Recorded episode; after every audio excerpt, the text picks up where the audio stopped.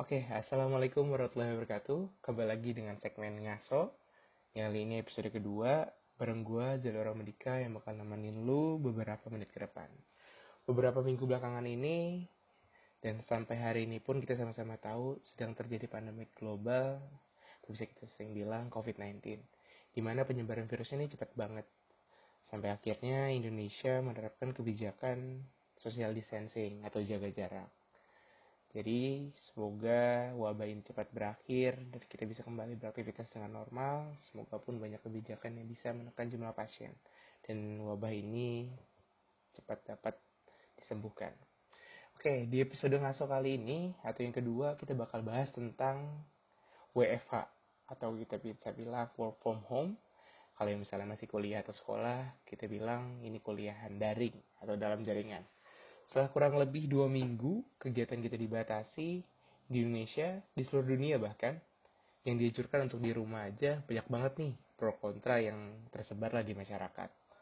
Banyak yang nggak bisa work from home, kita doakan dia tetap bisa dapat perlindungan atau mendapatkan alat-alat kesehatan untuk buat teman-teman nih yang misalnya work from home atau menjalani kuliah online.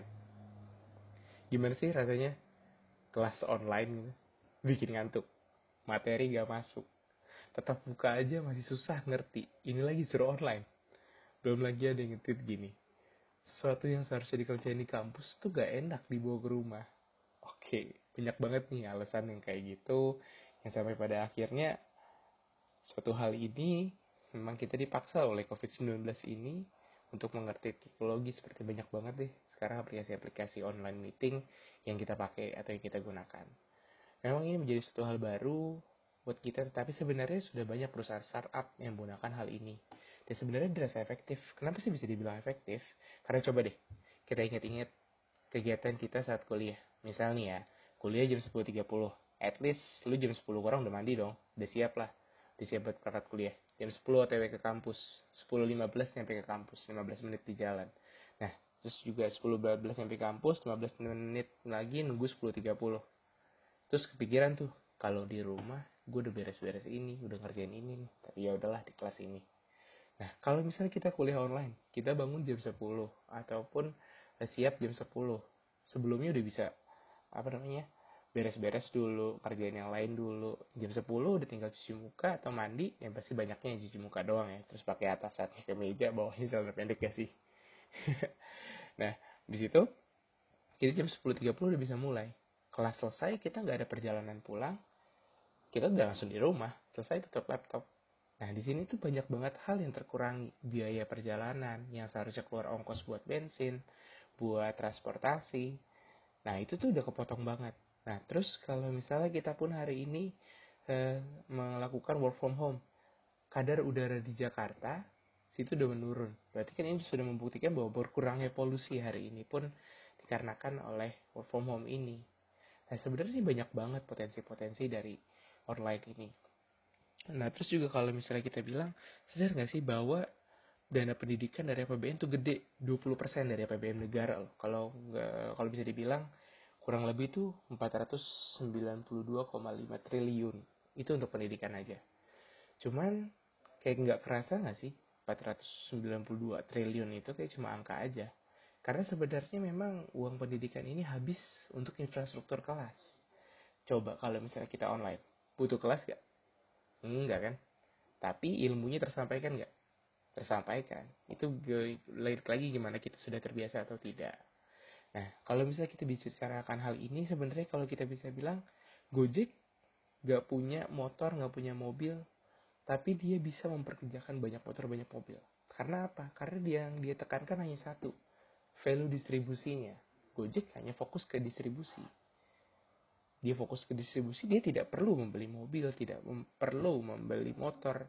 Bahkan dia punya ribuan UMKM yang terdapat di GoFood-nya, tapi dia tidak memiliki UMKM sama sekali. Karena dia fokus akan suatu value-nya, distribusi.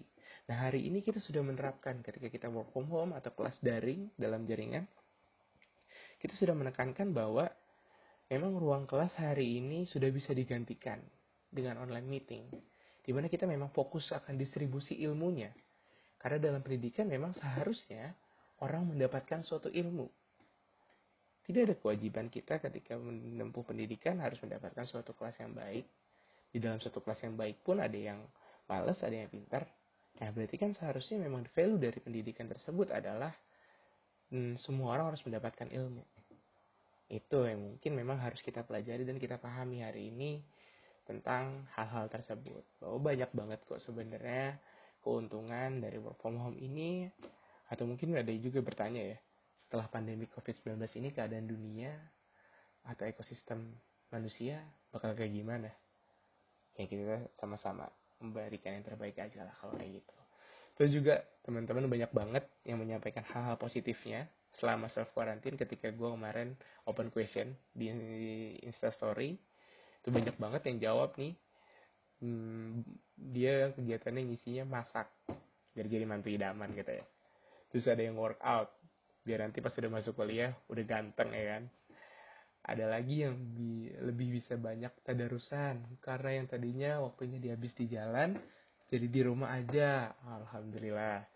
Lebih mengenal anggota keluarganya dan merasa betapa pentingnya memiliki keluarga yang sakinah mawadah warohmah Nah, banyak banget deh pokoknya kebiasaan yang biasanya di jalan marahin pemerintah karena nggak nyaman misal transportasinya, akhirnya di rumah ada yang sadar ternyata dirinya yang belum berbuat apa-apa untuk keluarga dan bangsanya.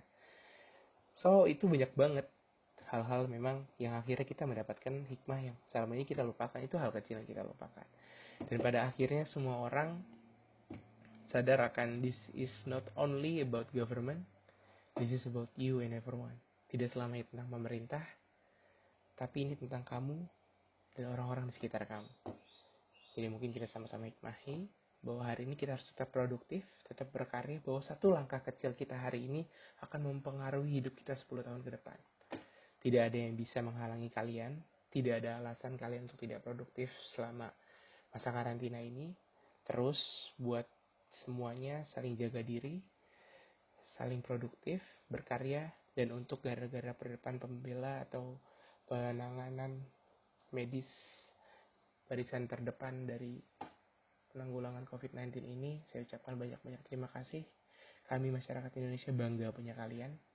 Mudah-mudahan semua keluarga kalian pun diberikan rahmat berkat selamat selalu sukses selalu dan untuk seluruh pemimpin negara ini Pak Bu kami siap bantu Indonesia ketika memang Ibu dan Bapak mengedepankan kepentingan masyarakat.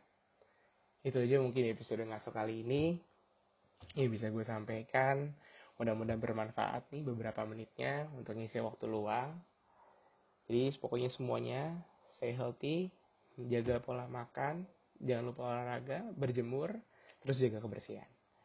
Oke, sekian dari episode ngaso kedua uh, tentang work from home atau kuliah daring hari ini. Assalamualaikum warahmatullahi wabarakatuh.